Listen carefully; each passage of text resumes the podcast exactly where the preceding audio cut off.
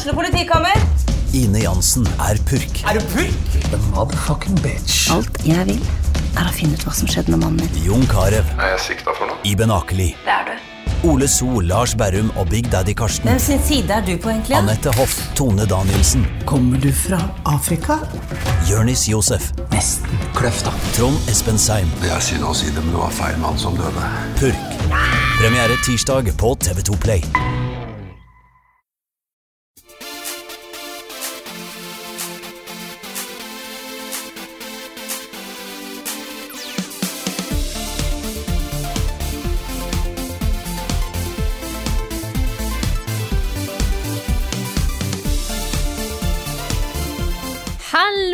Alle sammen, og velkommen til en ny episode av podkasten Level Backup. Med meg Frida Danmo. I dag er vi den vanlige trioen. Det vil si at jeg har med meg Karl Martin Hogsnes og Rune Fjell Olsen. Hallo, folkens. Hello. Hei, en liten korrigering. I dag er jeg ikke Rune, i dag er jeg Fridseth.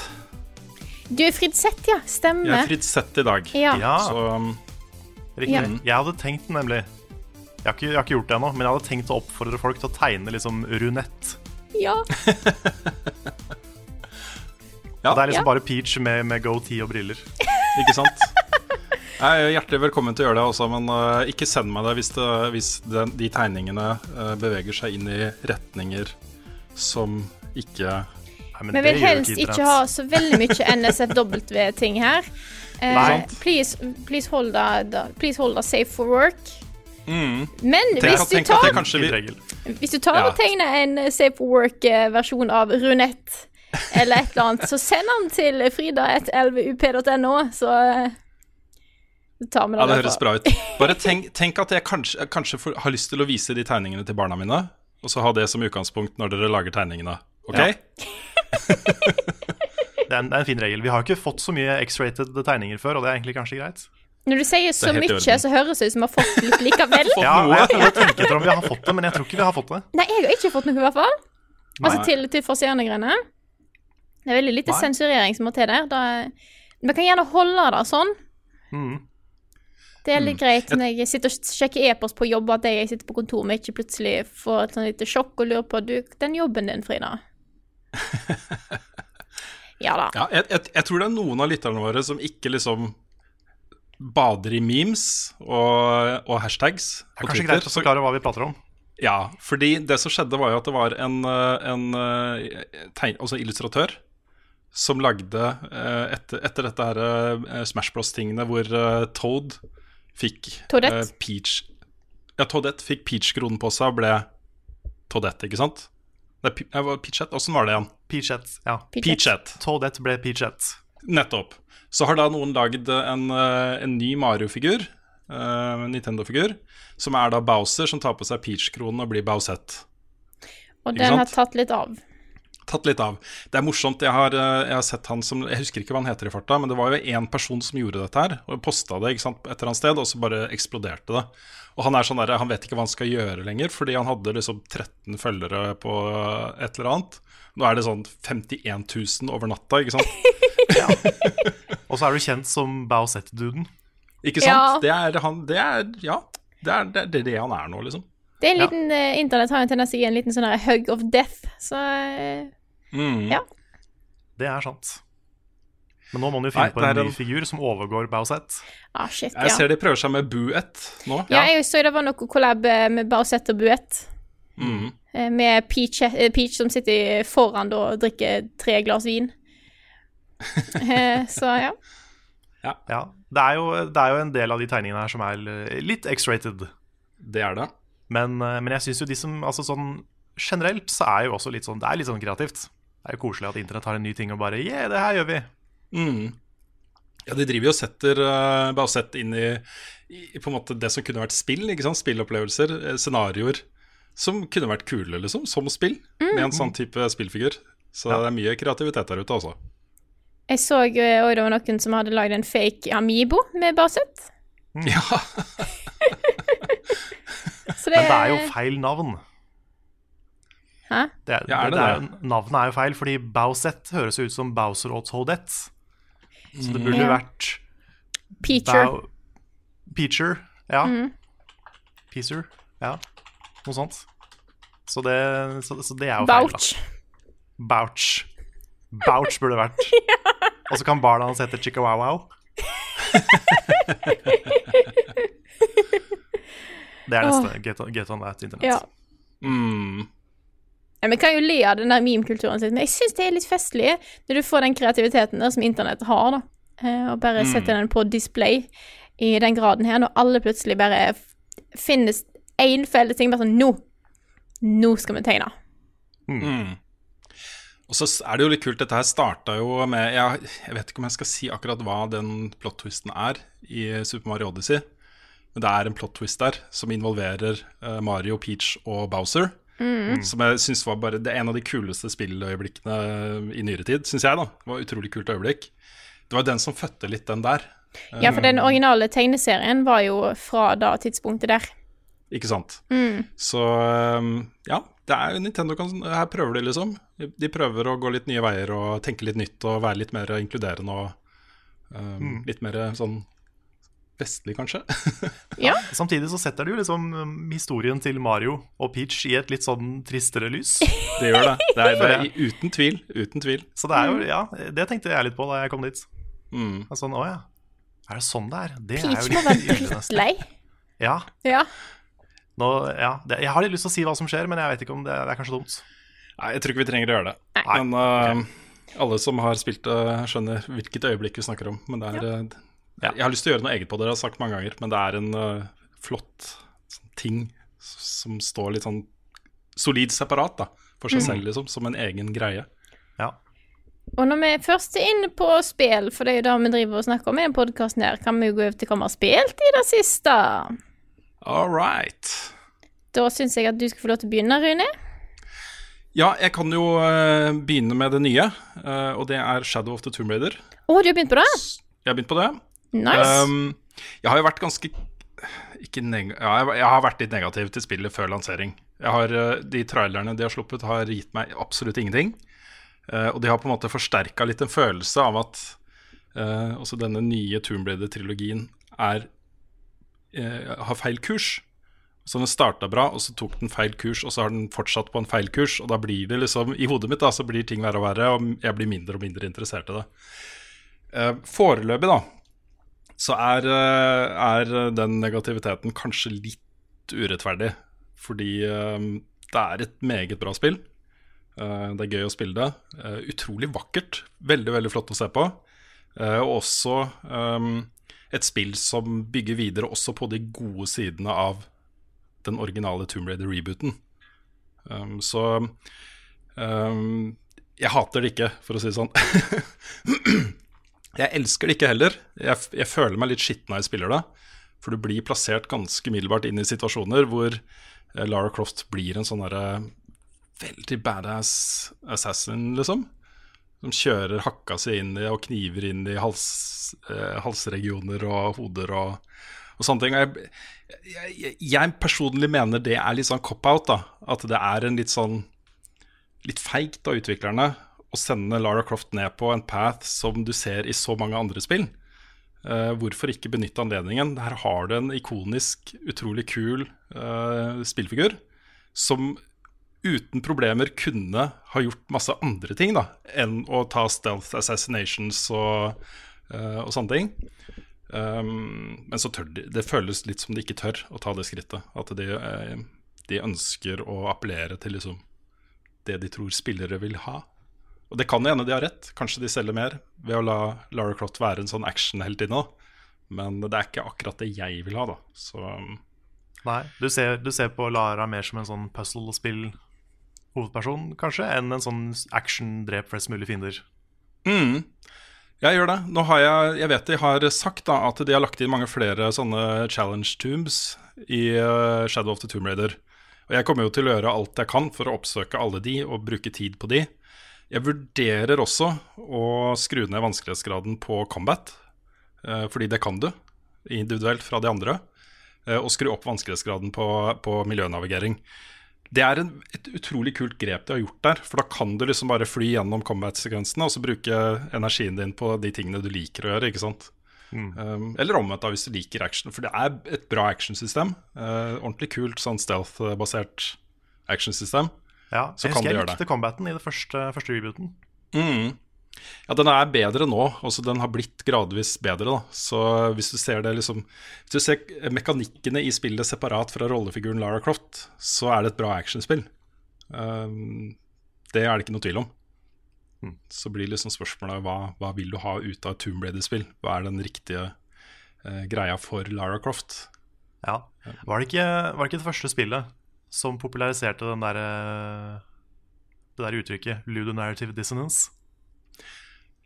Ja, det er vel mange spill som har gjort det. Ja, sikkert, men jeg, jeg føler det var veldig mye diskusjon om akkurat det spillet. Fordi det gikk så fort fra liksom Lara er ung og naiv, aldri vært ute i villmarka og slåss mot folk før, og så bare plutselig så er hun en sånn seriemorder. Ja. Jeg bare Um, husker det var mye diskusjoner om det. Om det, At det føltes litt rart for mange.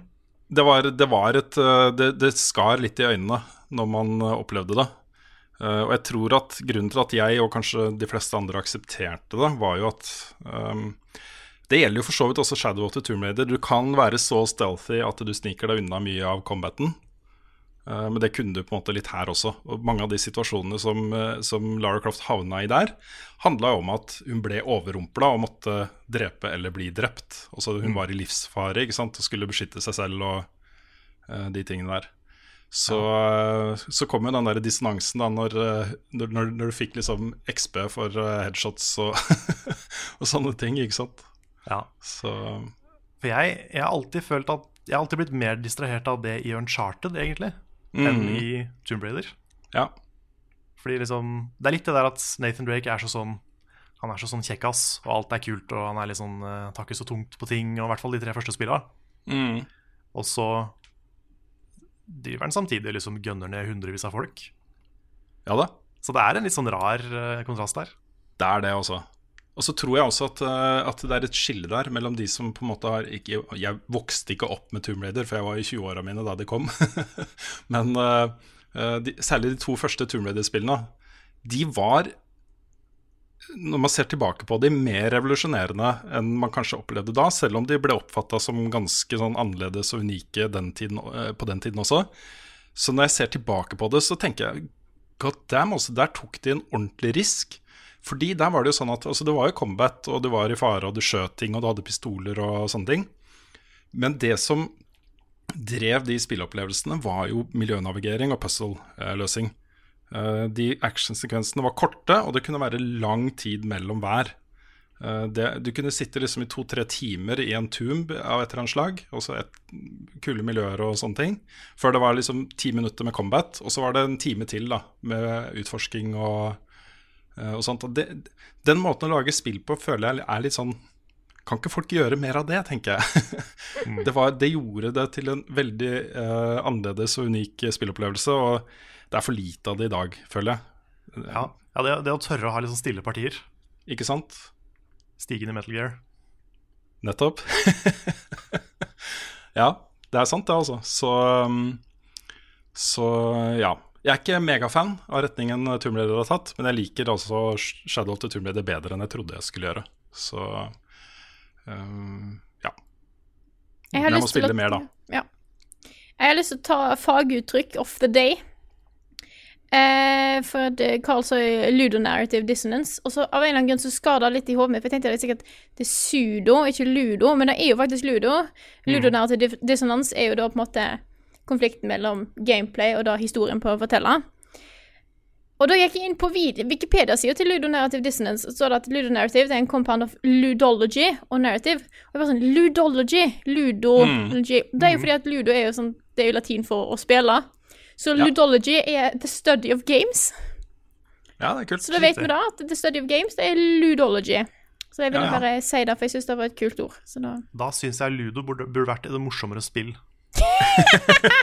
For det er så kjedelig. No offense til de som liker Ludo. Jeg Ludo er er gøy, det, da. Det er gøy, det.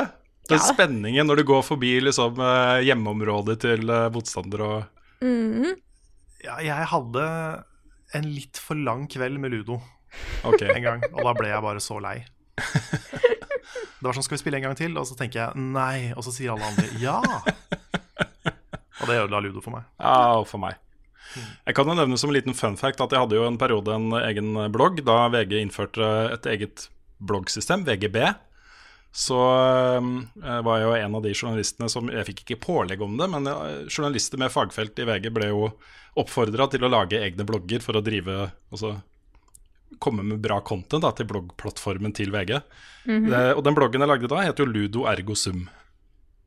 Aha. Ah, nice. Så liten fun fact. Eh, det andre jeg har spilt, og nå må dere bare ha meg unnskyldt, uh, men Destiny 2 Forsaken, endgamet i det spillet, er så fuckings bra. Det er noe av det beste jeg har opplevd i et spill noen gang. Uh, nå er det jo sånn at det er jo sånne som meg som blir virkelig belønna med kanskje tidenes beste endgame. I, hvert fall i et skytespill. I hvert fall et spill som Destiny. Det finnes jo ikke så mange av dem, men uh, uh, du må komme ganske høyt opp i power level, og du må få eh, bra gear og sånne ting for å få noe ut av det. Uh, Det de har gjort nå, da, etter lansering, så stoppa de på en måte spillet lenge før de kunne. Og så sparte de utrolig mye content som de har spredd utover de påfølgende ukene. ikke sant? Av gradvis eh, mer kompleksitet og gradvis eh, høyere vanskelighetsgrad. Eh, så jeg har testa raidet. Ikke helt gjennom, men kom til siste bossen. Og raidet er amazing. Og i tillegg, på siste Resett, som er på tirsdager, så slapp de den første dungeon i Destiny eh, sin levetid.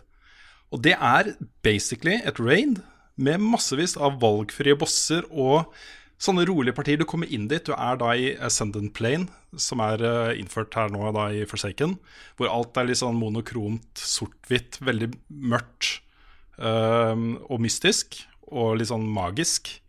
Uh, og du kommer inn dit, og det er ikke noe musikk. Det er helt stille, ingen fiender. Du aner ikke hvor du skal eller hva du skal gjøre, eller noen ting, og det ser så amazing ut. Det ser så tøft ut. Eh, og der er anbefalt power level eh, 580. Siste bossen er 590, og maks power level er 600. Så vi kommer inn dit da, som vi var eh, sånn rundt 580, og tenkte det her kommer til å gå bra. og det du møter, er bare helt crazy. Det er helt crazy. Det tar så av. Uh, og kommer inn i et rom, og alt som er der, kan oneshotte deg, på en måte. Så jeg bare har så respekt for den greia der, da. Og hele den der endgame-området også, Dreaming City. Eh, som jo kanskje mange en gang ikke får låst opp før det har gått to-tre uker, ikke sant. Eh, har også endra seg de siste tre ukene. Så nå er det da svære sånne taken orbs som bare svever i lufta. Det er masse sånne partikler og sånne svart, svarte sånne eh, rare tråder som henger fra himmelen og sånne ting. Så hele området har endra seg, ikke sant. Jeg får litt eh, assosiasjoner til Monster Hunter World Mm. når du sier det. Fordi der også var det sånn du, du trodde du var ferdig med spillet. I hvert fall jeg trodde det. At jeg hadde runda det. Ja. Og så ja, det er et par høns igjen, så jeg kan gjøre de, da. Og så bare gjør jeg de. Og så bare åpner det opp sånn svære nye områder. Som jeg aldri har vært på Mm. før, med nye fiender. Og bare den derre Shit, det er mye igjen av spillet. Jeg, trodde, jeg visste ikke at det der fantes. Nei. Det er, det er kult, altså. Ja, det er kjempekult. De har jo da starta nå siste uka. Nå er det jo Er det tre uker siden lansering? Tror jeg. Tre, ja, ish. Starta to nye Exotic Quests. ikke sant? Det ene er i Dungeon, det andre er, får du via Gambit, som er den nye PVP slash PVE-modusen. Uh, så det er liksom Det er så mye å gjøre, da. Og det er første gang Jeg har jo tre karakterer, men jeg klarer bare å opprettholde den ene nå. For det er for mye å gjøre. For mye annet å gjøre også, ikke sant. Eh, så ja. Destiny er på et innmari bra sted eh, om dagen, altså. Jeg tror ikke jeg kommer til å endre karakteren, for jeg ga det jo 8 av 10 før raid og før liksom endgame uh, er testa og sånne ting. Men det handler mer om uh, det som også tok opp i anmeldelsen. Jeg har ikke sansen for den måten de gir ut Destiny-content på. Uh, I hvert fall ikke opp til nå, da. Kanskje de endrer praksis med Forsaken, men det vet jeg jo ikke ennå. Det føles nesten som om de gjør ting dårligere enn det trenger å være, med vilje. For å gi folk den der følelsen av at Yes, Bungie har hørt på oss, nå har de fiksa det, nå har det blitt det spillet vi ønsker oss. Jeg er tilbake og dette er fett, liksom. og det er Det føles nesten kynisk. Jeg vet ikke om det er det, og det er kanskje urettferdig av meg å påstå det, men eh, det føles som en taktikk for å holde på en måte interessen til spillet i live. Hvis de bare gjør det perfekt, og så fyller på med eh, ny content som er like bra, liksom, så er jo faren for at man går lei det er ganske stor. Altså Hvis man allerede har perfeksjonert noe, ikke sant? Hvor, går man fra det? Så, så jeg vet ikke, altså, men uh, jeg skulle ønske at de gjorde At de bare ga ut en utvidelse som Forsaken i året, og så heller mindre oppdateringer gjennom året. Det hadde vært et uh, Jeg hadde følt meg mye mer komfortabel med å bruke alle de pengene på det spillet der, egentlig. Det er ikke sånn de fleste med mor gjør det òg, at det er, det er mye content patching, og så er det én stor Ja. expansion. Jo, det er det. Det er jo det. Det er sånn World of Warcraft har gjort det i alle år. Du trenger jo bare ikke base game der for å spille det, og så kommer det jo svære expansions annethvert år eller noe sånt. Yep. Um, Det hadde vært bedre også. Fordi eh, min følelse nå er jo at ok, nå har jeg det kjempegøy med dette her kanskje et par uker til. Uh, så kommer det jo da tre nye content updates i løpet av det neste året. Og så kan jeg bare begynne å forberede meg på å miste alt og starte på nytt i Destiny 3. Det, det føles ikke godt, da. Det føles ikke ut som en, eh, en bra ting. Nei, det er da, sant. For at du føler at ting- det du har gjort så langt, ikke, altså ikke nødvendigvis, men det blir kanskje litt bortkasta, da. Du føler ikke at du har noe å, å ta med deg videre. Nei, det er litt sånn. Så, um, så jeg, jeg var glad for en reset til Destiny 2. Uh, da følte jeg det var riktig, men um, nå er jeg ikke sikker på om jeg mener det samme lenger. Nei, Det er ikke sikkert de gjør det samme igjen. Ikke sikkert, men uh, vi får se. Nei, Det har i hvert fall vist nå da, hvor, uh, hvor utrolig effektivt det er å bare introdusere nytt content som klistres på det som allerede eksisterer der. ikke sant? Så um, ja, det hadde vært kult hvis de fortsatte med det. Gjerne flere dungeons, gjerne flere mini-raids, nye locations, sånne ting, liksom. Det er, jeg tror det er nok, altså. Ja. Kan være. Mm. Yes, det var, min, eh, det var ukens Destiny 2-rant. Yeah. Skal er- jeg ta over? Sett i gang. Ja. Jeg har jo først og fremst spilt eh, et nytt spill.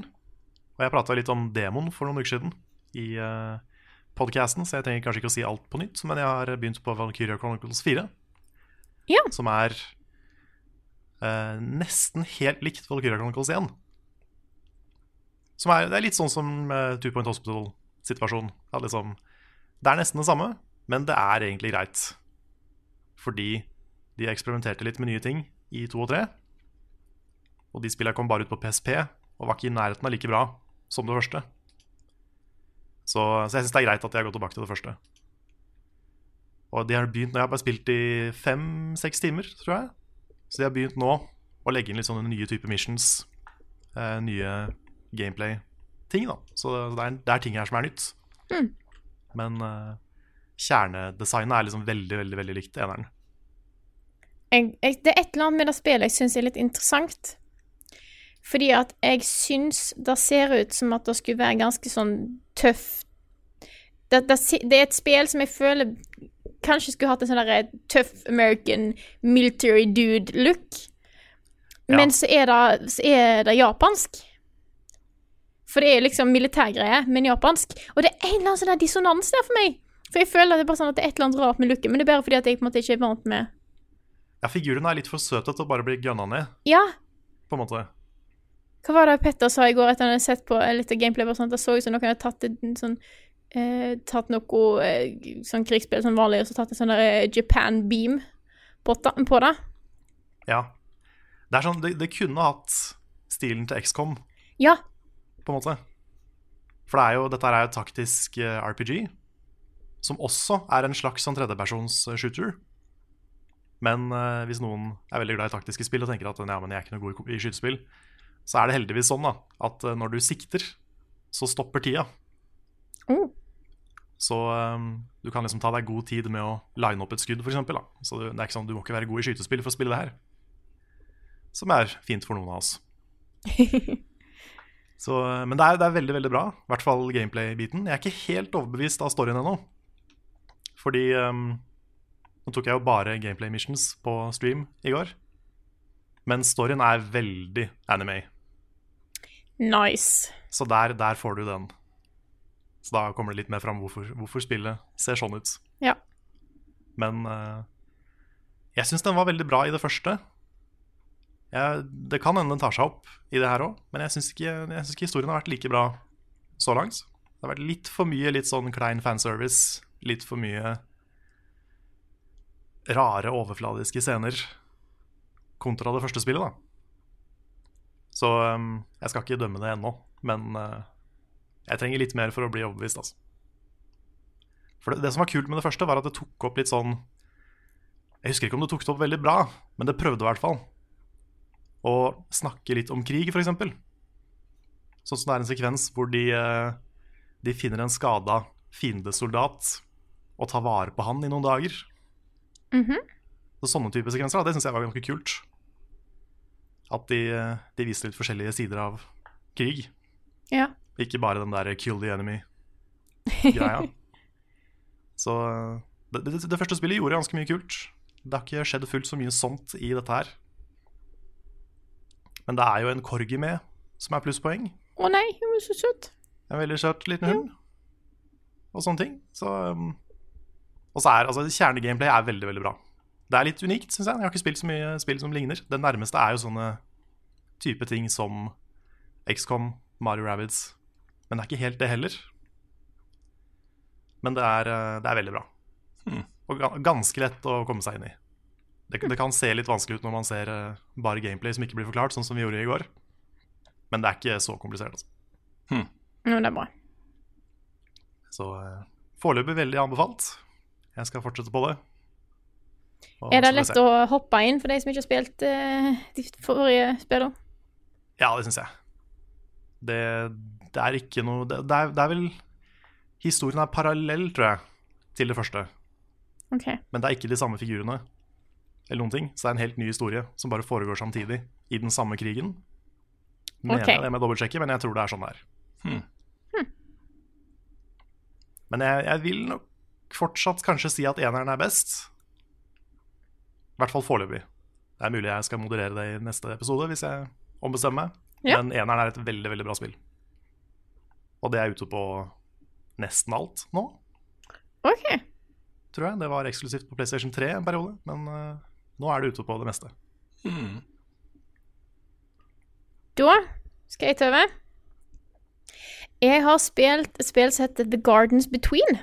De ja, du fikk satt i gang med det. Det er bra. Ja, jeg gjorde det. Nice. det var, eh, jeg syns du, Rune, er veldig flink til å anbefale spill til meg. Som bare sier 'Frida, kan ikke du ta dette her?' For du har, du har truffet ganske bra med en del av dem nå. Disse litt mindre spillene som jeg kanskje ikke helt klarer å Og kanskje mange andre òg. Ikke alltid klarer å plukke opp. Se hva som finnes der ute. Jeg syns du har veldig god oversikt. Det liker jeg veldig godt. Men jeg må legge til at jeg sier aldri 'ta det spillet her, Frida'. Nei. Det, det jeg skrev helt spesifikt på dette, var Frida, kan ikke du ta en kikk på dette spillet og se om det er noe vi kanskje, kanskje du har lyst til å anmelde? egentlig, ja, du sender sånne egentlig, egentlig så sitter Rune hmm? Nei, sorry. Hva skal du si, Karl? Jeg, jeg skulle bare si, Egentlig så sitter Rune litt sånn som J. Jonah Jameson og bare I want pictures of Spiderman! Isteden så er det I want indie games! ja, men jeg liker å ta disse litt mindre, fordi at da passer det litt mer inn i min time schedule. Ja, men Det er litt det jeg tenker også. Det er litt Mhm. vanskeligere å be deg om å ta Assassin's Creed uh, Odyssey, liksom. Ja, da hadde jeg aldri tatt, for jeg har ikke spilt de forrige. Nei, ikke sant. Men også den type skala, ja. sånn 120 timers uh, spill, ikke sant. Hvis det, er, hvis det er noe jeg interesserer meg for, så tar jeg det. Men det er akkurat sånne, Ja. sånne småting. Det er bare sånn så, så jeg er veldig glad i å ta disse, disse mindre, for da, får vi fram litt av det òg. Det syns jeg er litt kjekt. Så jeg har spilt Mm. The Gardens Between, som er et uh, Det er ikke så langt, det er ca. to, to og en halv time. Uh, det er en puzzle Puzzle adventure, tror jeg det går som. Der du er eh, nok en gang på små øyer. Jeg innser at jeg liker små, små øyer i spill. Nå var det Bad North sist, og nå er det videre til The Gardens Between. Ah, det må bare sette opp på liksom, din spesialitet. Du, Ja. du tar alle spill som foregår på små øyer. Yes. Ja. Windwaker er favorittspill. Ja, det Nei, eh, det er puzzle adventure, og du løser Du kommer deg liksom videre med å styre tida. Men det jeg syns er veldig kult, at det har en litt sånn spesiell måte å styre tida på.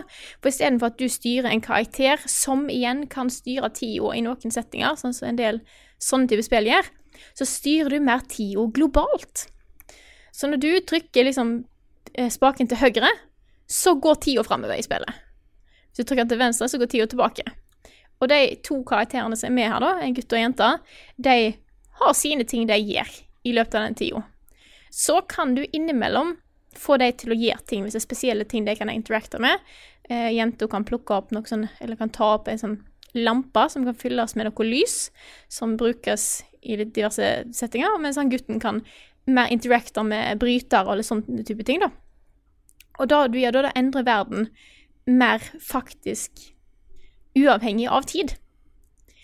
Eh, det er noen ting i verden som vil gå uansett om tida er stoppa eller ei, og mange ting som kun vil bevege seg når du lar tida gå. Og jeg syns den der at istedenfor at du styrer en person som har mulighet til å styre tida, at du på en måte styrer hele tidsaspektet i verden, er ganske kul. Eh, han er ganske intuitiv. Jeg liker veldig mange av løsningene de har gjort eh, på ting. Veldig mange kule puzzles. Eh, jeg har et par, eh, par ting å ta opp òg, men jeg vil ikke spoile alt, for jeg har tenkt til å sette meg ned og lage anmeldelse i helga. Nice. Eh, men jeg er veldig positiv til spillet. Da kan jeg i hvert fall si så langt. Jeg syns det er et, et kult puslespill. Jeg spilte det på Switch. Jeg tror det er ute på en del andre plattformer òg. Hvis jeg tar et veldig raskt Google-søk her Det er på Switch, PlayStation 4 og Microsoft Windows, altså PC. Så eh, kan jeg kan på forhånd si at jeg anbefaler å sjekke det ut hvis du har lyst til å drive med litt sånn puzzle eh, Puzzling eh, et par timers tid en kveld. Jeg tror eh, Rune sitter og sitter av forventning, for nå har han lyst til å snakke om et eller annet spennende til anbefaling i dag. Rune, vær så god. Ja, jeg må begynne med en sånn gjenta en semi-anbefaling som jeg hadde for et par uker siden. For da snakka jeg om at jeg hadde lyst til å se en ny TV-serie som heter Jack Ryan. eh, som går på, på Prime. Amazon Prime. Og nå har jeg sett eh, fire, fem, eh, seks episoder av den. eh, og jeg syns den er bra. Det er ikke noe av det beste jeg har sett. Det er sånn sterk firer, liksom. Uh, men den er bra. Så jeg ville bare si det, siden jeg sa at åh, den har jeg lyst til å se. Det var en slags anbefaling. Um, nå har jeg sett den. Du sier er sterk ganske fire, så tenker du terningkast fire, da? Eller fire av ti? Terningkast. Jeg, jeg tenker terningkast fire. Ja. Gam, gamle vane, vet du. Ja, Ja, ja. i Gamle VG, du damer er vonde å vende. Ja. Eh, min anbefaling denne gangen er um, rett og slett en forfatter som jeg er uh, veldig glad i, og det er litt spesielt. Um, han heter Joe Hill, uh, og på en periode, sånn, særlig sånn hele 2000-tallet, så var jeg var veldig glad i å gå i bokhandlere. Bare se åh, er det noen nye spennende bøker. Og stort sett så er det bøker fra forfattere jeg aldri har hørt om. Eh, men med et plott som jeg syns ser interessant ut, og så testa jeg det ut. Så jeg gjorde mye av det. Og han var en av de jeg oppdaga med en bok som het Heart Shaped Box. Som handler om en, en pensjonert uh, rocker. Eh, og så utvikler det seg til sånn mysterie, sånn overnaturlig mysterie. Um, han har senere skrevet en bok som heter Horns, som også har blitt en film, med Elijah Wood, hvis jeg ikke husker det feil. Eh, han har skrevet en bok som heter NOS eh, 4A2, eh, og en bok som heter The Fireman, pluss en del sånn noveller og en tegneserie og sånt. Men det som er litt funny, er at Joe Hill er sønnen til Stephen King, og det oppdaga jeg ikke før langt ute i forfatterskapet hans. Wow! Altfor sent, egentlig. Eh, han har bare tatt Joe Hill som en pseudonym fordi han ikke vil bli assosiert med faren sin på den måten. da. Da skjønner jeg Eh, jo, da. han, jeg, jeg skjønner jo det særlig når han er så fuckings flink som han er, for han skriver så godt. eh, Så utrolig kreative og gode historier. Eh, At eh, han klarer fint å stå eh, på egne ben uten drahjelp fra sin da tross alt mer berømte pappa, liksom. Um, og de Hvis du ser bildet av han, så, så er det jo altså, Da ville du gjetta det sjøl, for han er jo kliss lik faren sin. litt den samme liksom, sånn forsofne, litt sånn slitne, nerdy looken, liksom. Um, ja. Men han blir jo også, han blir også av forfatterkritikere og sånt, bokkritikere, eh, satt liksom på høyde med faren sin også. Så han har liksom virkelig lagd et navn for seg selv, da. Eh, Men det er veldig bra bøker. Veldig, veldig bra bøker. Utrolig spennende. Og kan vel i hvert fall trygt anbefales til alle som liker Stephen King. det er ikke noe tvil om at han har blitt flaska opp på et eller annet, annet der. For det er eh, den samme type spenningen liksom, som driver bøkene hans. da. Skulle trodd det var noe genetikk inni bildet her. Det er litt rart, det der, altså. Sånn som, hvorfor har sønnen til Peter Schmeichel blitt en, en av verdens beste uh, målvakter, han også, liksom? Altså, det er litt rart. Jeg syns den tingen der er litt sånn Det er litt spesielt. Og så har du disse her eh, som springer, hva de heter Nordmenn, og der på en måte du har to brødre som er Å, nå er dette er- En heter Henrik, er han ikke det? Hæ? Det- det er- de tre brødrene? Ja, nei, de er, Er ja, de, og så har de ei søster òg. Ja, de er vel tre, og så har de ei søster òg som skal begynne å springe nå. Hva de heter disse her? Jeg husker ikke. Nei, de er norske. La meg Jeg må finne ut dette her. La meg snakke om noe annet, så skal jeg finne ut av det. Nei, jeg eh, Begynn med Heartshaped Box. Det er kanskje ikke den beste boka han har skrevet, men uh, den er uh, Den er uh, veldig fengende. Det er veldig fengende litteratur. Ja. Det kan jo hende han ble oppfostra med Stephen King-bøker, og så har det bare blitt en del av han fordi han Mm. hørte de som barn. Og bare God damn it, pappa, nå. Ingebrigtsen! Philip Ja, og. Henrik Ingebrigtsen. Takk Mm. meg som fant ut den. Veldig bra. Takk. Jeg Det fins jo, jo noen mindreårige i det hjemmet her som sier de skal bli youtubere når de er store. Da. Så eh, Ja. vi får se, da. kan Og som har lyst til å begynne å jobbe i Level Up. også, Ja, Spørs om ikke du får noen gamerbarn. Det kan vel tenkes. yes, men det er altså min anbefaling. Joe Hill heter han. Eh, veldig bra bøker også. Er du klar til å fortelle om litt nyheter, Rune? Jeg er det, vet du. Vi får jo begynne med uh, årets største gladsak. Uh, Sony har åpnet for cross- cross-plattformspilling! Vi visste jo alle at det kom til å skje, da. Eller jeg, Ja, jeg vet ikke. De har liksom Nei. vært så arrogante på det, og så bla, bla, bla, liksom. Så, Ja. Ja, jeg, jeg syns det så ut som nå at de hadde tenkt seg bare weather the storm og bare Mm. nå, vi skal bare stå fast på dette her, for det kommer til å gi seg. Men så gjorde de ikke det. Nei, De har jo fått pepper for det jevnlig siden masse. de mm. Ja, nå er da Fortnite er det første spillet ut. De, De, eh, det er åpent fra nå. Eh, Denne uka her så åpna det en beta av eh, cross-platform-spill i Fortnite. Uh, og de sier jo at uh, hvis uh, resultatet av den er bra, så kommer de, til, å- kommer de til å åpne opp for det i andre spill også. Det er jo først og fremst og bare tredjepartsspill det er snakk om. Um, ja. Det er jo kanskje vanskelig med cross-platform-spilling i Spiderman f.eks. Ja, det er kanskje er litt ute på vanskelig. én én plattform. Hvis du klarer å, hvis du klarer å break, altså, emulere en PlayStation på PC, Mm. så kan du spille cross-plattform med pirater. uh, en ting Ja som jeg synes er interessant, for dette her starta med en pressemelding fra Sony, hvor de fortalte om den nye praksisen sin. Og mellom linjene så kan man lese at her har det vært ganske sterk motstand mot akkurat dette her hos Suza i Sony. Det, er, eh, Wow. det, er, de sier liksom, det de sier, er at uh, eh, ingen skal være i tvil om at dette representerer en markant, et markant skifte av retning for hele selskapet vårt. Uh, og i det så ligger jo det at ok, her har det virkelig vært en uttalt praksis å ikke tillate cross-platform-spilling, ikke sant? Eh, og folk har kjempa hardt for at det skal være sånn, eh, og så har de måttet snu. Så ja. Jeg syns det er gøy.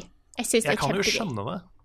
Nei, Jeg, jeg, jeg kan skjønne det sånn, fordi de har ligget så på topp sånn konsollmessig nå. Mm, Og da skjønner jeg den der business-sida av å ikke ville dele. mm, Den kan jeg forstå. Men jeg tror ikke de suitsa ser behovet og hvordan det ser ut på utsida. nei. Å være den ene som ikke tillater det. Nei, det er helt sant, altså. Og uh, Epic Games, utviklerne av Fortnite, har jo da svart med å umiddelbart eh, åpne opp for merging av eh, Fortnite-kontoer. Så det her er bare bra ting som kommer ut av dette her. Så hvis du da har eh, spilt på én plattform og har begynt å spille på en annen plattform, så kan du liksom merge de kontoene og beholde progresjonen din og alt mulig rart. da. Det er bra. Kjempeflott. Tearing down the walls. Mm. Um, og det her blir, hør på den overgangen der. Apropos vegger. Innenfor veggene så må man jo ha plass. Eh, og på Ja. konsoller så kan man kalle det lagringsplass. Ah, jeg vet hvor vi skal Um, hen, ja. Red Dead Redemption 2 krever 105 gigabyte med lagringsplass. Fy fader! Jesus Christ. Det er liksom- mange gigabyte, det! Jeg husker da, da jeg skulle laste ned um, nye Det var Xenoblade. Jeg lurer på om det var Xenoblade Chronicles X som var så jævlig svært. Da krevde det 60 gigabyte. Og da var liksom Du kunne enten laste ned hele på 60 GB, eller så kunne du kjøpe spillet, og så måtte du laste ned 13 GB i tillegg, og det var svært. Det er sånn 103! 103 GB! Ja, var det 103 eller 105? Jeg har notert 105, men det er mulig Ja, det var da 103. 105. Jeg tror jeg bare hadde tretallet i men, Jeg kan eh, finne ut det for uh, Skal vi se Men hvis det er noen som lurer på om Red Dead 2 105. kommer på, på Switch, så er svaret nei, fordi det er ikke plass. Nei, du trenger en tre-fire Switch-konsoller for Ja, å få plass til Du hele må Ja. spillet. dele opp spillet på sånn fire switcher, og så Ja, ikke sant. Jesus Christ. Nei, det er mye, altså. Men det er jo Det sier jo litt om hvor stor den verdenen her er. Eh, og grunnen til at det er så utrolig mye, er jo fordi de har støtte for 4K. Eh, og det er jo Altså Det krever mye. Når alle assets skal være tilgjengelig i 4K, liksom. Det er eh, heavy shit. Men det er litt sånn Det er jo fordi at dette er et konsollspill, sant? Eller kommer på, det kommer på PlayStation, gjør det ikke? Jo. Ja, PS4 og Xbox One eh, i første omgang. Jeg Ja. tipper det kommer på PC en gang i løpet av 2019. For det da Men det er bare det jeg gjetter, da. Ja. For det er akkurat da, da at det er et konsollspill som gjør det litt interessant, fordi eh, det finnes en del PC-spill som er oppi den størrelsen. Men konsollspill har jo aldri vært så store. Men jeg tror at jeg Det er jo ikke det første så, ø, så store spillet vi kommer til å se. Det kommer jo bare til å bli flere av de. Men det er litt sånn der, den der faktisk gått forbi 100 GB-grensa, da, hvis du kan kalle det det. Det jeg håper nå, da, er at de åpner opp for uh, preloading. Fordi ellers så blir det jo utrolig mange veldig triste og sinte fans der ute på eh, launch day, ikke sant? hvor serverne kneler fordi det er eh, 30 millioner mennesker som skal laste ned 105 gigabyte samtidig. ja.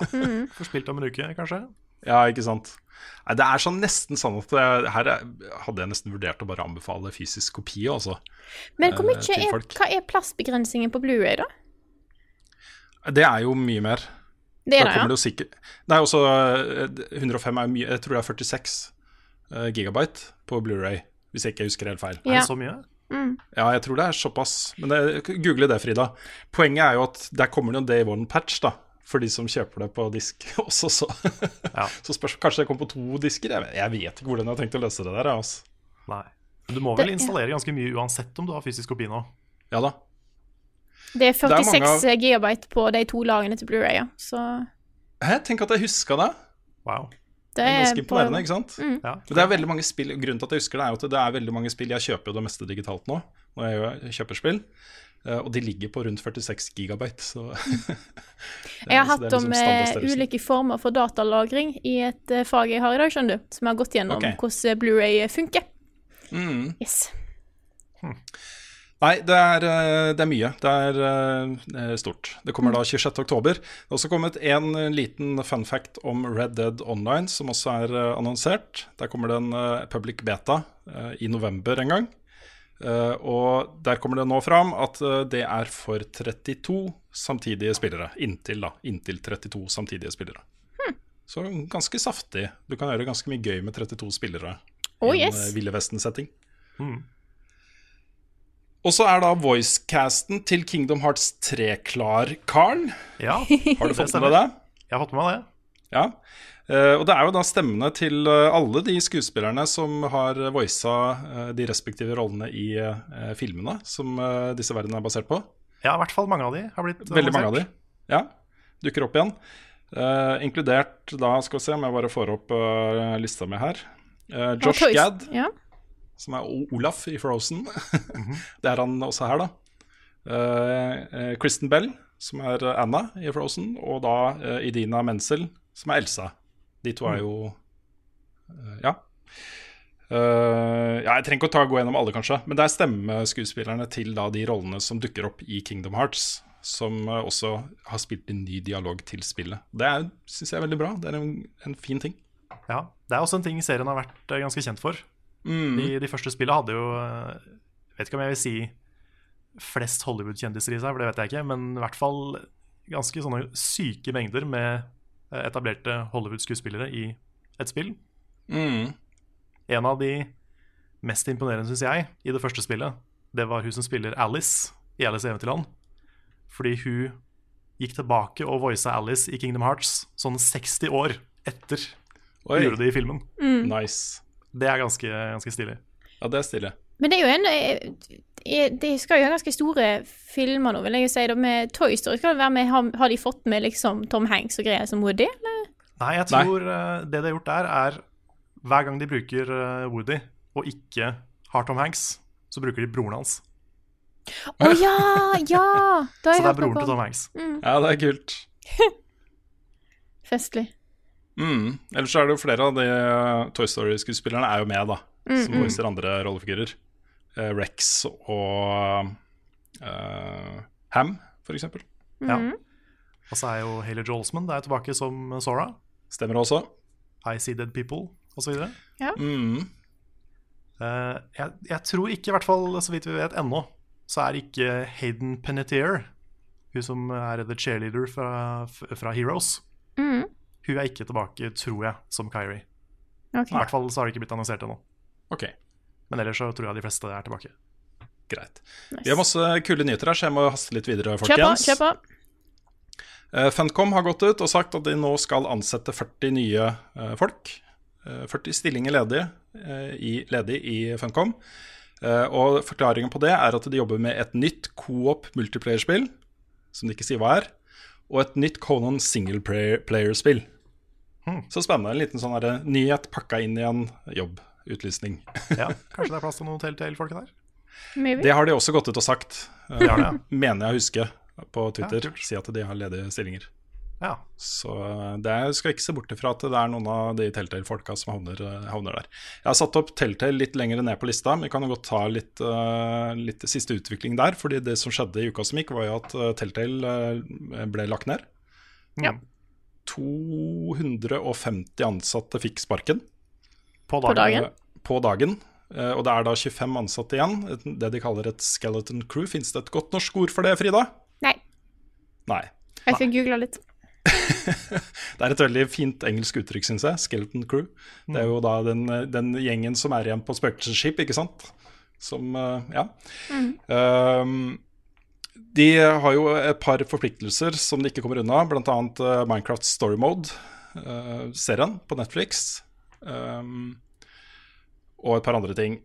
Det som uh, har skjedd nå, da, etter eh, at vi snakka om dette her i spilluka, eh, som kom på tirsdag, eh, er at en tidligere ansatt har saksøkt selskapet for ulovlig eh, oppsigelse eh, på vegne av 275 ansatte. Da. Så da han har inkludert sannsynligvis de 25 som er igjen fortsatt. ja, for de også vil jo forsvinne så fort de er ferdig med de eh, siste tinga. Ikke sant. Um, hele Walking Dead final season uh, er fjerna fra digitale butikker. Um, Telltale sier at det er inntil videre. Altså de, de kan ikke garantere for fremtiden til serien, så derfor så har de bare tatt det bort. Ja, det visste jeg ikke at de hadde fjerna det. Nei. Uh, og Netflix sier at de fortsatt har lyst til å lage et Stranger Things-spill, som jo er et av de spillene som ble ramma av uh, denne nedleggelsen, uh, som mange har gledet seg til. Så vi får se. Det er ingen som helt vet hva fremtiden til The Walking Dead Final Season og de andre IP-ene som Telltale har og hadde. Men det er jo ganske dramatisk uansett, liksom. Så Det er bare så sånn genuint kjip situasjon, Mm. alt sammen. Det er kjipt Ja. å miste Telltale. Det er kjipt at de har styrt på den måten. mm, Det er kjipt at alle de ansatte bare har fått en uh, shitty siste periode med jobbing hvor det var crunch konstant, og så fikk de bare plutselig sparken. Det er jo så ikke greit. Det var jo folk som ble ansatt og hadde sin første arbeidsdag liksom dagen før nedleggelsen. Ja. Det er helt, det er helt jævlig. Ja, Mm. det er helt jævlig. Så øh, grunnen til at det ble så plutselig, var jo at de jobba med en finansieringsplan. Øh, invest, hente inn ferske investorpenger, og hele den tingen havarerte. Så da ble det sånn. Da hadde de, hadde de ikke råd til å fortsette. jeg Så, fant eh, yes. skjelettmannskap, var det nærmeste jeg fant. Så det Det er jo det man kunne ha gjetta, men øh, jeg har Ja. liksom aldri hørt det blitt brukt på norsk. Så Jeg vet fant det på Google Translate, sånn at det er ikke bedre det, Nei. Så det er Ah, okay. Skeleton Crew er bedre. Ja. Ok, greit. Prøvde jeg å søke Skeleton Crew norsk, så fant jeg Stephen King-bøker. Så Nettopp. Greit, jeg hopper videre. Eh, Dirt Rally 2.0 er annonsert. Eh, Det kommer 26.2. og til PC, Xbox One og PS4. Eh, og det er litt interessant at de kaller det Dirt Rally 2.0, fordi Colin McRae Rally 2.0 er jo kjent for å være en av de beste rallysimulatorene noen gang. Eh, og det er jo Dirt-serien er jo på en måte oppfølgeren til Colin McRae-serien til Codemasters. Uh, så dette er jo på en måte den, den nye versjonen. da uh, Og det at de kaller det 2.0, da tenker jeg som rallyentusiast at de kommer til å prøve å uh, gjøre dette her ganske seriøst. Ikke så masse sånn tullball. Bare rett, rett fram rally. Punkt til punkt rally. sånn som det er i ordentlig. Og de har jo også den offisielle VRC-lisensen, så de kan uh, ta for seg biler og førere og baner fra uh, virkelighetens uh, VRC. og det blir da seks land som disse banene er basert i. Det er New Zealand, Argentina, Spania, Polen, Australia og USA. 26. februar. Det tror jeg blir fett, altså. Ja. Vi var jo så vidt innom det, jeg bare tenkte jeg skulle nevne det, men Troy Baker er annonsa for Death, uh, Death Stranding. Det kom en ny trailer i uka som gikk, som også viste fram nye sider av dette nye spillet til Hideo Kojima. Så, uh, amazing. Helt amazing trailer. De Uh, bare gi da spillet til meg. Er en måte da, De må bare gi det ut, og så, så Ja, så er vi der, på en måte. Da tenker jeg. I just wanna know. Ja. Ja, det er kjempebra. Det nye vi fikk se her, var jo et monster som ikke var sånn diffust, sånn der, bare armer og ben som kommer opp av noe mørkt vann, liksom. Men et monster som ble satt sammen av alle disse tingene. Som brøler og Ja. Kan vi, kan, vi, kan vi gjøre en ting nå? Ja. Hva da? Bare sånn komme med hver vår prediction om hvor mange prosent av det vi har sett så langt, vi kommer til å forstå innen vi har kommet til rulleteksten. uh. Eh, jeg vil, jeg vil Altså 75, minst, tenker Ja, for jeg jeg tenkte, jeg tenkte først 80. Så rundt Ja. oppi der ville jeg tenkt, fordi at jeg tror det som på en måte bevist nå, er kanskje noen sånn hoved-keypoints som kanskje gir litt mening. Jeg vil tippe at i selve spillet, hvis jeg ser på hele totale ting jeg har opplevd i som du opplever i spillet, da, da det kommer til rulleteksten, så er den prosenten jeg har, andelen som jeg har skjønt, er nok vesentlig mindre enn 80 eh, vil jeg Ja. tippe. Ja, for jeg, jeg ligger lavere. Du gjør det, ja? Jeg tror det her kommer til å være veldig abstrakt og rart. Og at kanskje det blir forklart i sånn Death Stranding 2-3 eventuelt. Eh, Det, det Så jeg, jeg tror, jeg ligger ned på kanskje 50. Ja, men det jeg tror er at øh, Jo, det kommer til å være rart, og det kommer til å være abstrakt. Det tror jeg du har helt rett i, Carl. Men jeg, jeg tror også at det kommer til å være et øh, mer øh, forståelig lineært gameplay enn det vi har fått inntrykk av. Jeg tror du blir sendt Ja ut på en historie som er innom forskjellige ting, og så etter hvert så nøster du opp et bilde av hva som egentlig foregår her. da. Men det spørs, litt, eh, det spørs litt hva du legger i det å forstå en ting. Fordi at Mm. eh, For meg så må ikke jeg ha fått forklart og forstått 100% av ting, så lenge jeg har en grasp om hovedtrådene i det. Det er litt sånn eh, Så lenge jeg forstår hva som skjer, i like stor grad som jeg forsto slutten av Annihilation, så er jeg fornøyd. Mm. For den er der så at jeg lenge har en, et hovedinntrykk, sånn, OK, det funker sånn og sånn, og så kan jeg trylle, altså, tukle litt videre med detaljene etterpå. Det går fint. Jeg trenger ikke vite alt ned til detaljnivå, og det er derfor jeg ender opp på den 80% Men så lenge jeg har et visst sånn hovedoutline, da, så er jeg fornøyd. Det som er viktigst for meg, er at for historiene i spill kan ofte være ganske vage.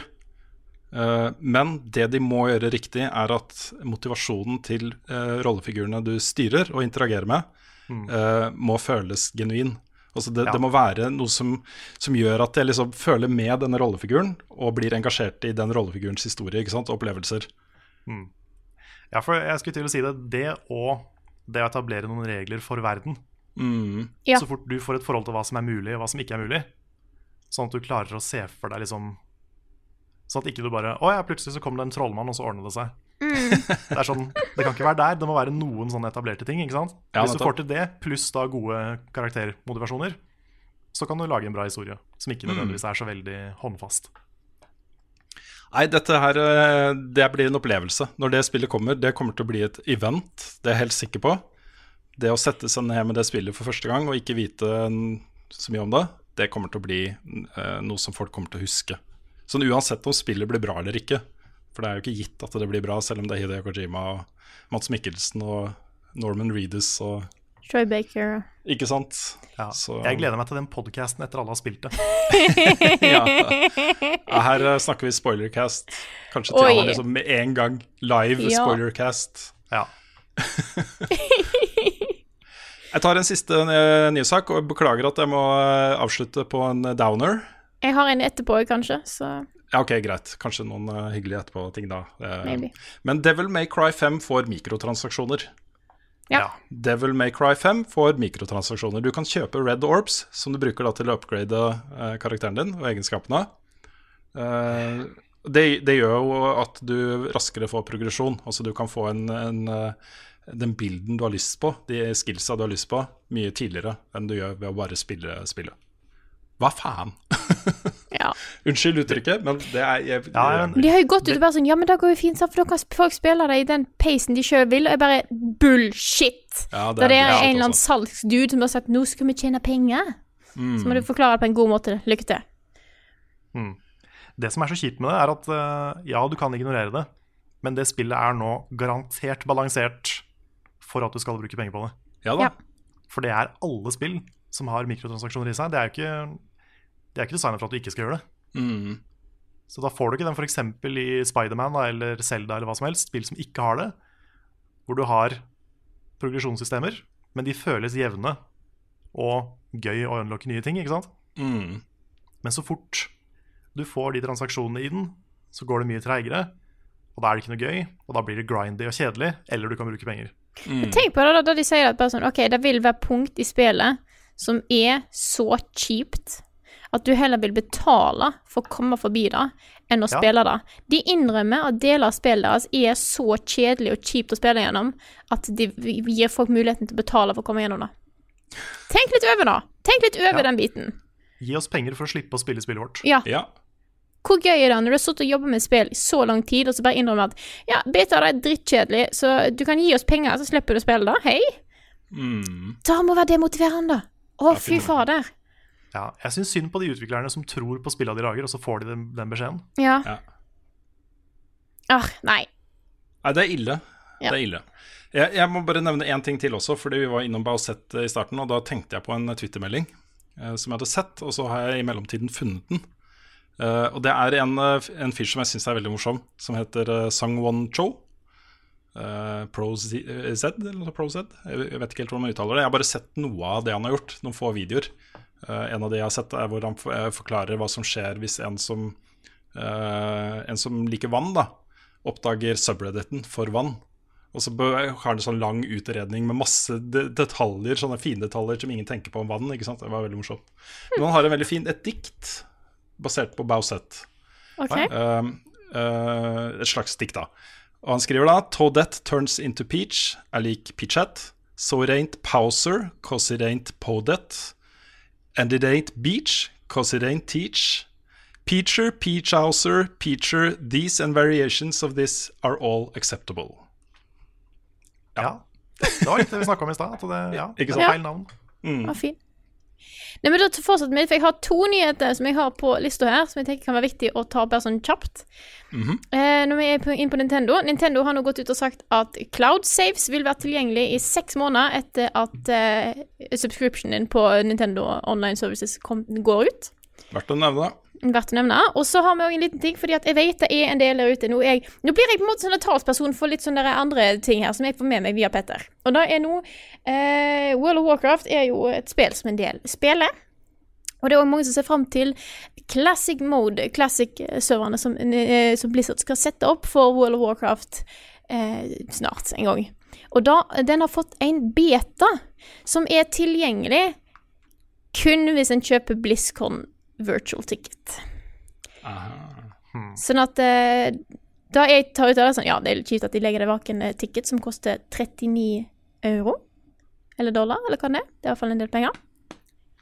Eh, jeg tror det er dollar. Ja. Men uansett, da, så tror jeg det betyr at den eh, den, Den classic-moden begynner å nærme seg å være rett rundt hjørnet. Når de begynner å gå ut med en beta i sånn stor grad som det er, så betyr det at ting begynner å bli klart. Så jeg tror at den, den classic-moden, den er på plass. Kanskje på nyåret, vil jeg tippe. Så det er Ikke umulig. Nei, Så be. vet dere da. Kan, kan jeg extende nyhetsspalten enda litt til? Det er helt greit for meg. Så bra. Nei, fordi eh, det er et spill eh, som ble annonsert for en eh, Jeg husker ikke helt når det var, men det er eh, tror jeg en uke to siden. Som ikke vi har prata om ennå. Så jeg har bare lyst til å ta det opp. Ja. Og det er et nytt spill eh, fra utviklerne av eh, Yakuza i Sega. Og det heter Project Judge foreløpig. Hvor du spiller som en litt sånn uh, edgy, mørk eksadvokat. Visstnok. Husker ikke om han er advokat eller eksadvokat, men han er litt sånn eh, crime fighter da, i tillegg. Selvfølgelig. Så det er visstnok litt sånn etterforsking av drap og sånne ting. Med litt, eh, litt combat og kanskje litt sånn Ace Attorney gameplay. Det er bare jeg som gjetter. Men, eh, men det er da litt sånn badass Ace Attorney, virker det som. Så jeg syns det så kult ut. Det, var, det ser ut som en skikkelig satsing. Funky. Så det, det tenkte jeg skulle teste meg på. Jeg har jo jeg har hatt lyst til å spille Yakuza, men jeg har vært litt usikker på hvor jeg skal begynne. Jeg tror Yakuza er et eh, spill for deg, Carl. Jeg syns mm. det ble litt det. kjedelig, men jeg tror det er eh, Du liker jo kjedelige ting. Så Sier du som elsker grinding, kjære Ja. deg, Rune. Ikke snakk om kjedelige ting, Rune. Nei. De du har i Destiny.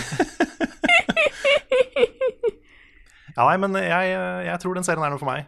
Den har en sånn fin kombinasjon av veldig melodramatiske store ting og mye rar humor. Og det, det liker jeg. jeg tror jeg Så- kan anbefale deg å begynne på Yakuza Zero. Ja, Og så kommer Yakuza Kiwami, ikke sant? og så Ja, Yakuza. Kiwami 2, tror jeg. For det er sånn remakes av de første. Ja. Ja, ja hvis, jeg, hvis jeg får tid, og ikke det er så mye å anmelde en periode, så er det på ganske høyt oppe på toppen av lista mi over spill jeg vil sjekke ut. Jeg tror det er på tide at vi runder av eh, nyhetsspalten her, så går vi heller videre til spørsmål. Vi har så mange nysgjerrige lyttere som har sendt oss masse spørsmål de gjerne vil at vi skal svare på. Men vi må jo selvfølgelig begynne med et litt, kanskje litt viktigere spørsmål enn resten, og det er selvfølgelig ukens spørsmål.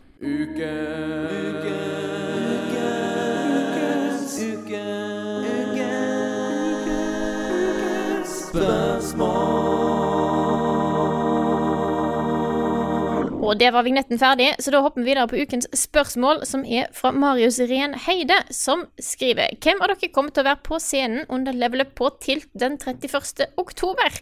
Og dette er en litt sånn shameless plugg av Tiltcast for vår del, egentlig.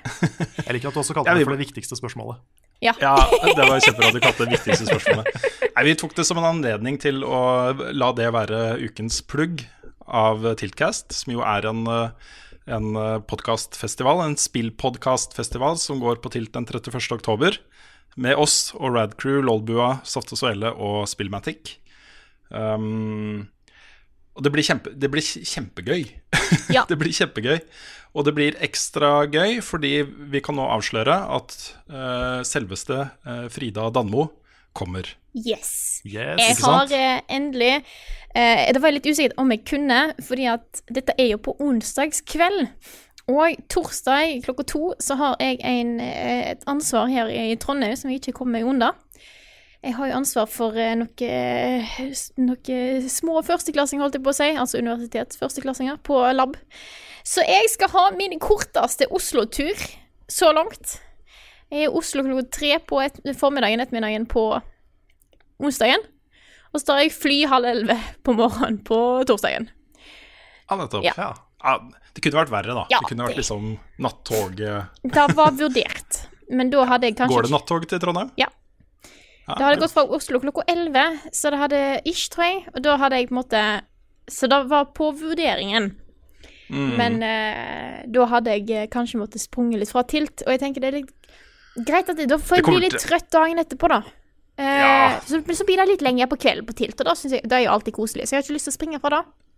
Her er du liksom på dagen etter så er du i en lab med masse kjemikalier og ting som kan drepe deg og sånt. Hva kan gå galt liksom hvis du er overtrøtt og kanskje litt hungover? Mm.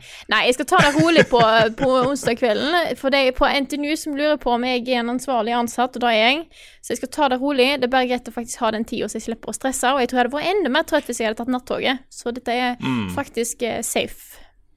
Har jeg, Ja, jeg har vurdert det til å være safe. Safe for work. Yes. Ellers så har vi ikke lagd et uh, fiks ferdig program for kvelden. Nei. Det eneste vi vet nå, er at vi tre i hvert fall skal være der. Uh, vi har ikke snakka om vi skal ha flere på scenen, eller om vi skal gjøre et eller annet. Nei? Uh, men dere kan ha i bakhodet, dere som hører på, og som vurderer å dra dit, at det, altså det skal jo være en live podkast, men det kommer ikke til å bli en sånn 'hva vi spilte i det siste', 'her er ukens anbefaling', 'har det skjedd noe spennende', og 'her er ukespørsmål. ikke sant? Det blir ikke en sann type podkast. Vi kommer til å lage et eget opplegg for denne kvelden Yes. som er liksom mynta på at her kommer det til å sitte folk i salen, og ja, Ja. god stemning.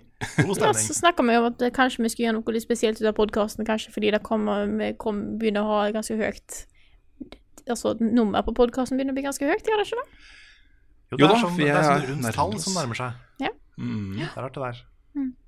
Vi får se hva som, hva som skjer. Men vi har tenkt å lage i hvert fall eh, noe opplegg som blir veldig bra for de som er der. Jeg har sett meg for spørsmål om det skal sendes live.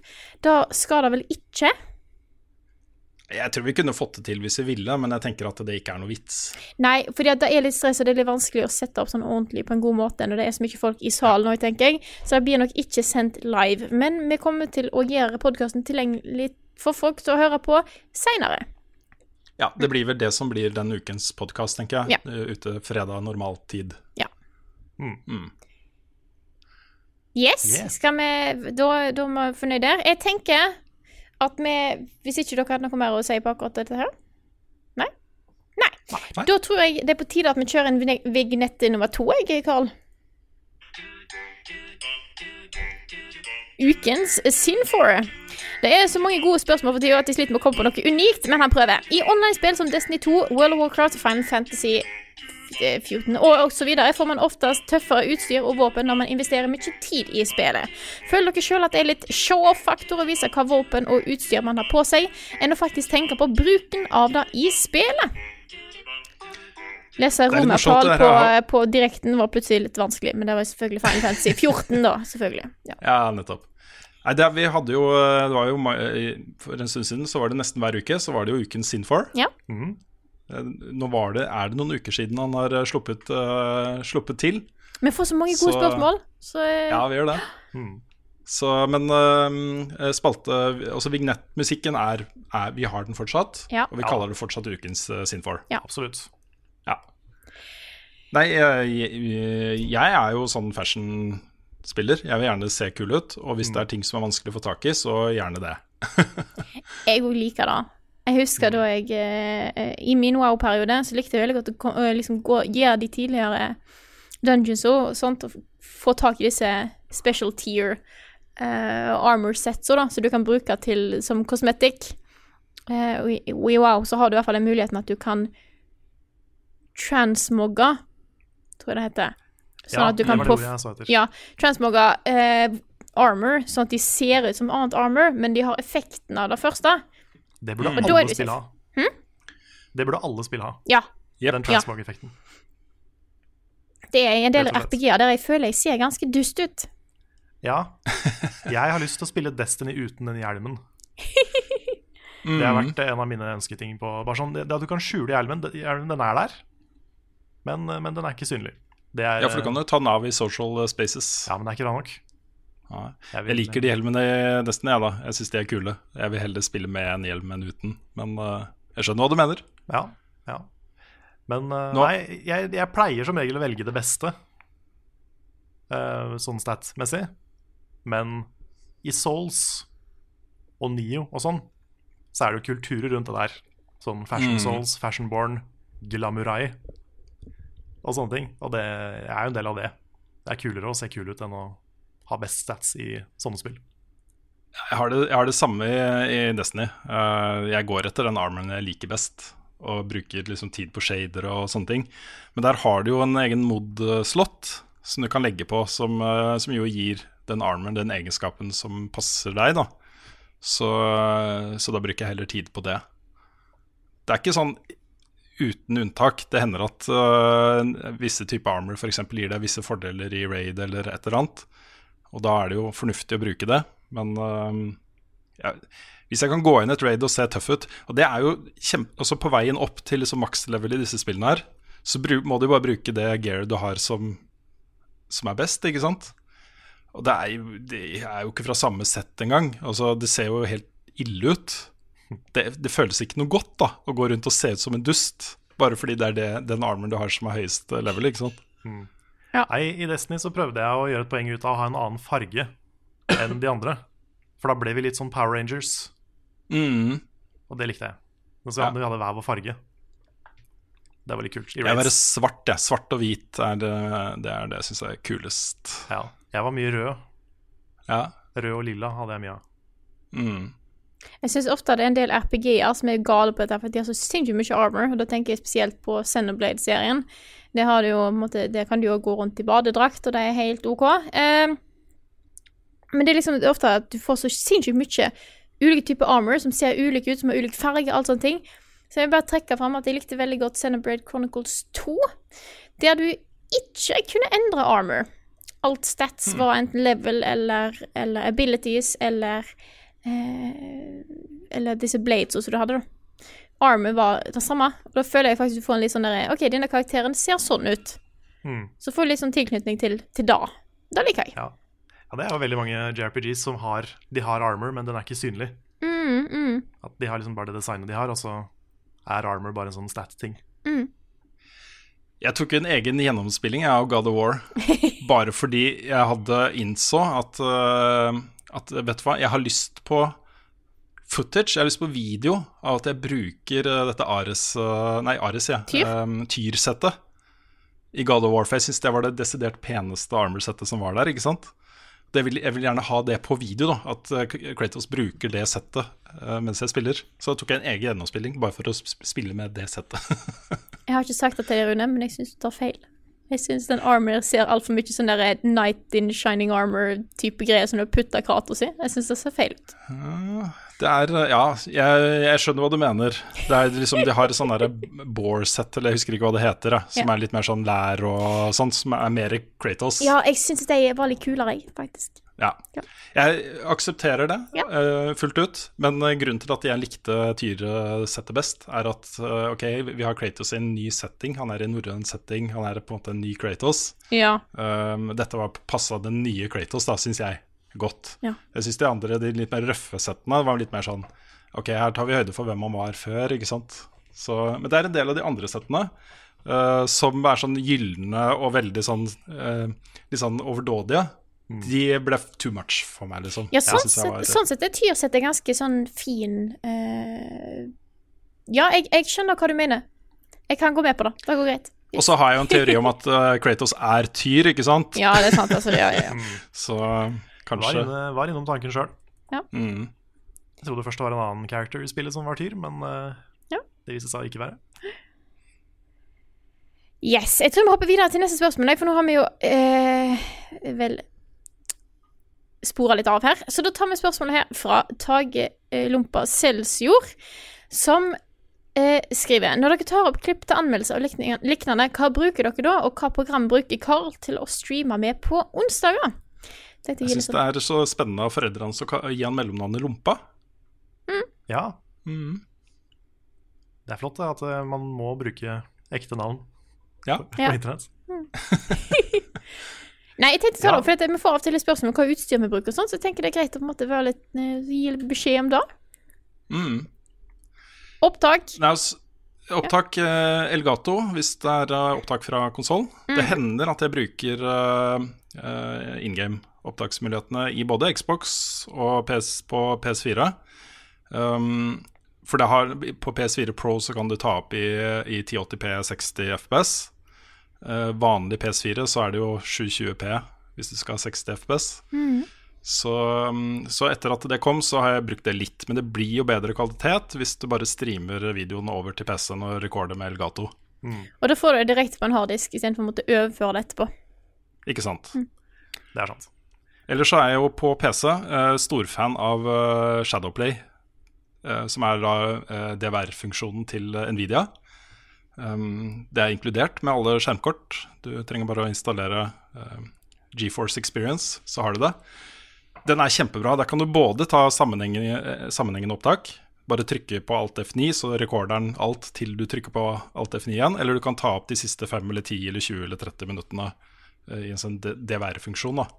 Eh, du kan i tillegg, uh, ser jeg nå på siste oppdatering, både recorde footage og livestreame direkte fra Shadowplay.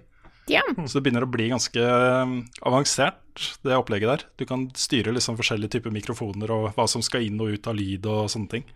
Så det har blitt bra, altså. Ja, For jeg er storfan av OBS. Eh, jeg vet at Shadowplay er veldig bra, men jeg har ikke orket sette meg inn i det. For å være helt ærlig.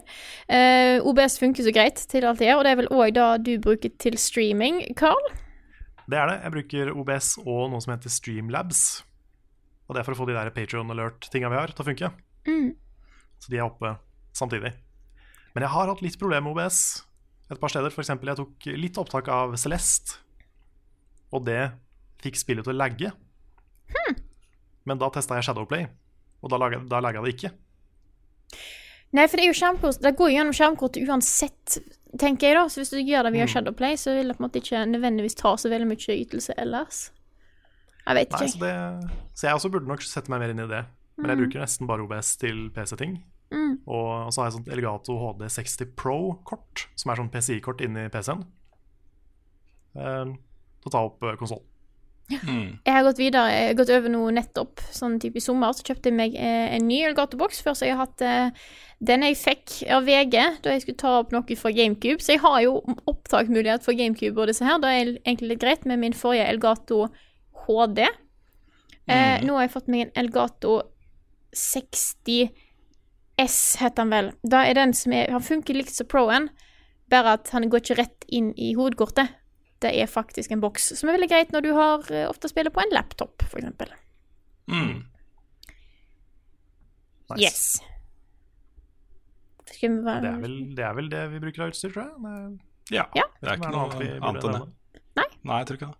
Da tar vi neste spørsmål her. Jeg må nevne én ting til, forresten.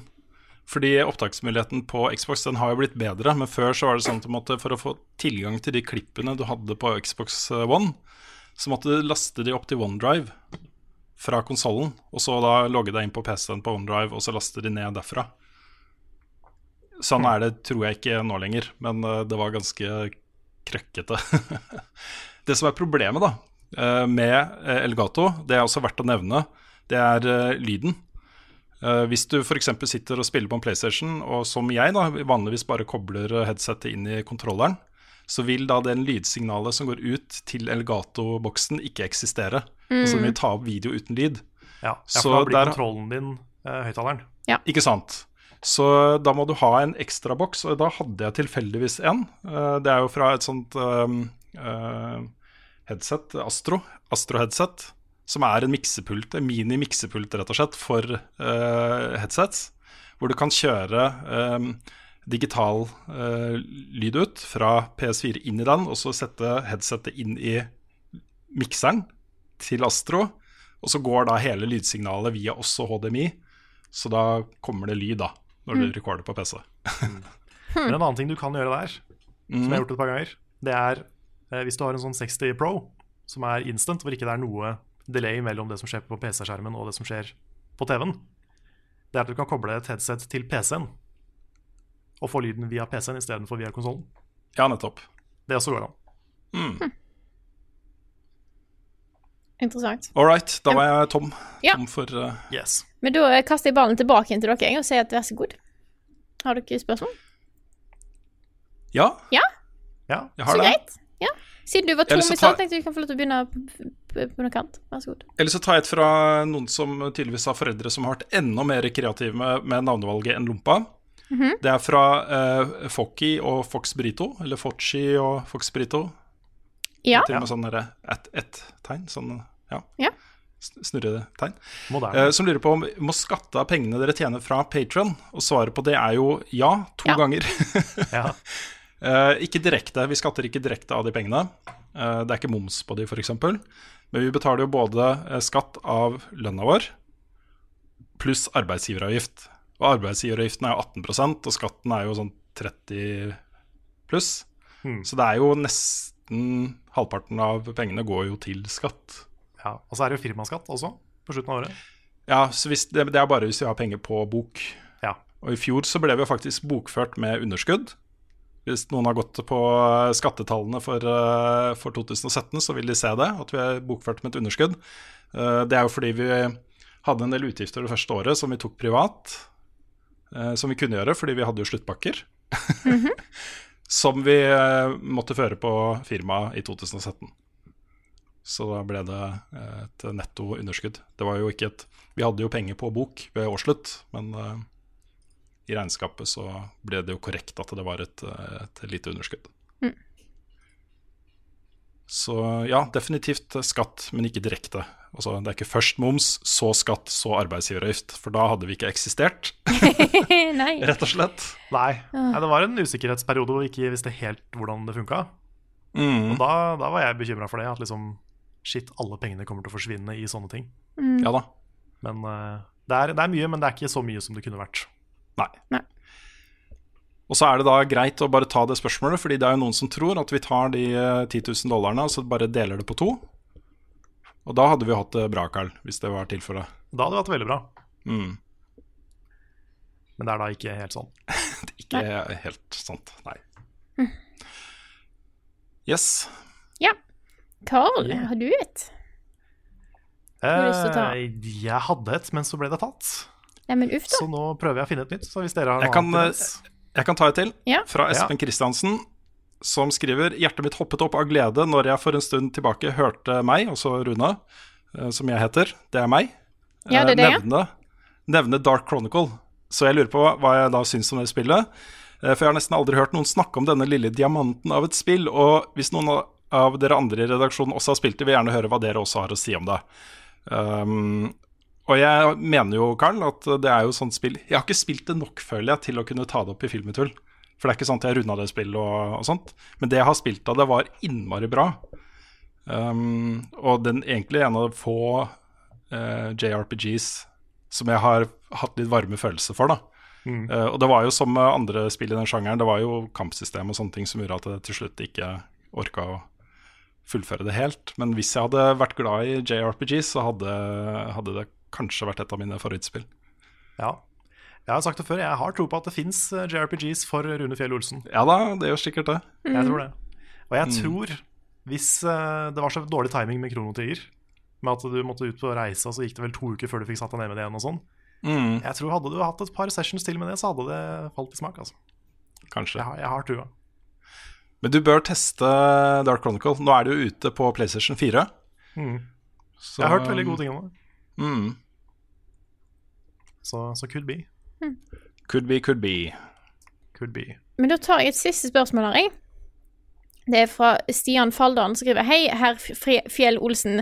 Har det gått opp for deg at du nå har bare én måned på deg på å tette herr Hogsnes enorme westernhull, altså Red Dead Redemption 2, før Red Dead Redemption, Red Dead Redemption 1, fordi siden Før Red Dead Redemption 2 kom ut, var veldig mye sur her, men ja, dere skjønner hva jeg mener. Åh, vi må lage en egen sånn eh, regle eh, som bare inneholder eh, Red Dead Redemption og varianter av det, og de ord som ligner på det og sånt. For det Ja. kan bli gøy. Ja, Mm. ja. Ja, jeg, jeg kommer ikke til å tvinge deg til å spille Red Dead Redemption, Carl. Så i så fall så må du tette det hullet selv. Ja, jeg har, jeg har tenkt på det mange ganger. Det, det er mulig, altså jeg vet at jeg kanskje skuffer noen nå, men det er mulig jeg bare hopper rett på to. Ja. Jeg har skjønt How at det er en you? prequel, så um, jeg håper det er, at det er greit. Jeg, jeg tror ikke du um, Altså, det jeg tipper, da, fordi dette foregår jo eh, senere Eh, Red Dead Redemption 2 var jo også tidsmessig tidligere. Ja, Um, jeg tipper at det er noen eh, easter eggs her. Kanskje du kan finne gamle gården til Marston og sånt. Uh, et eller annet. At du møter en etterkommer eller altså, noe, noe er det garantert.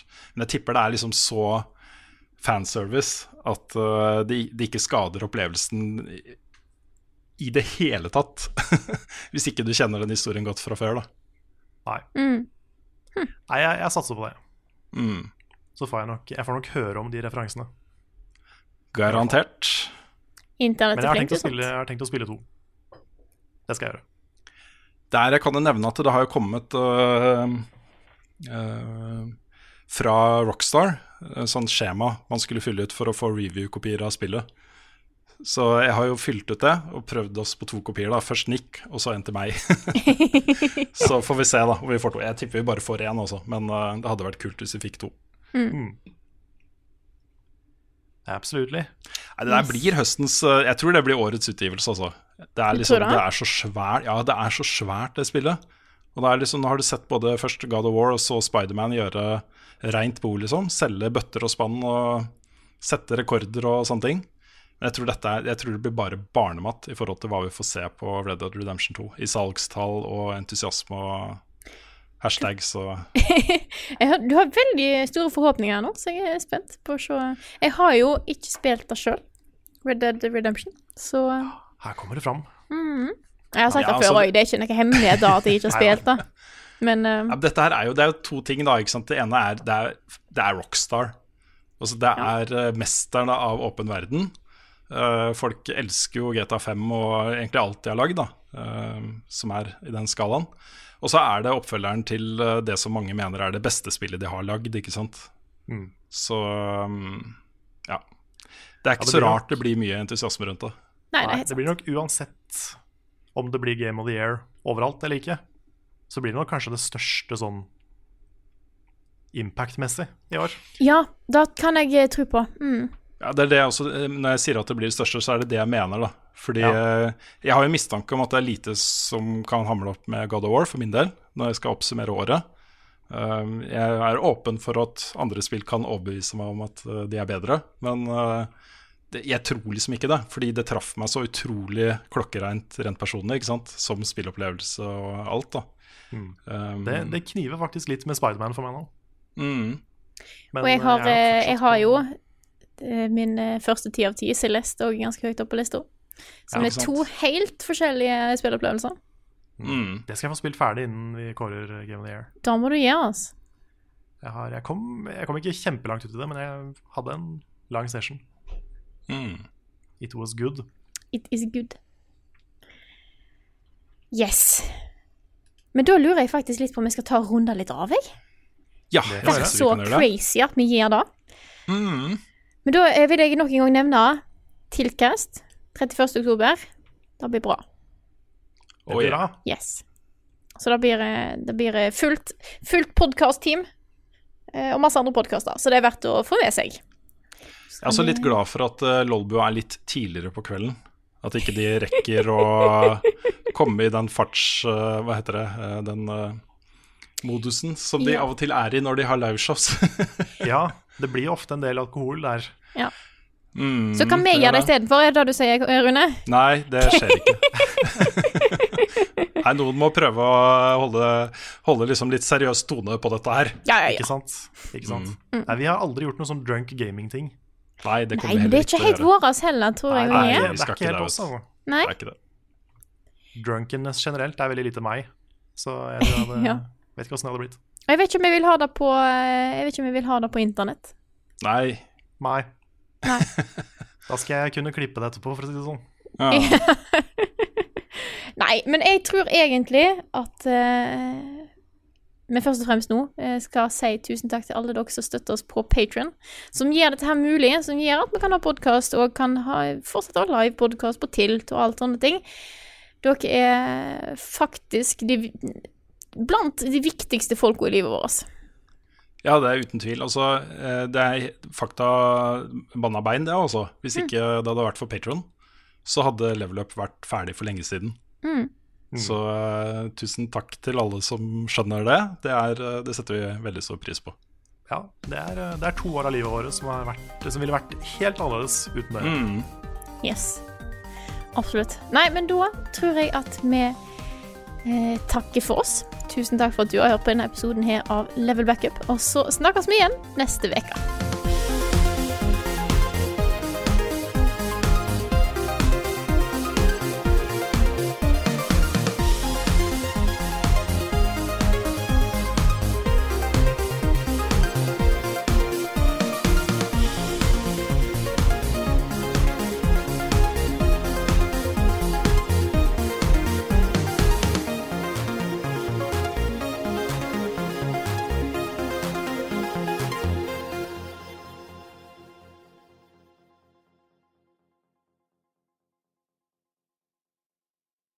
Har du et enkeltpersonforetak eller en liten bedrift? Da er du sikkert lei av å høre meg snakke om hvor enkelt det er med kvitteringer og bilag i fiken, så vi eh, gir oss her, vi.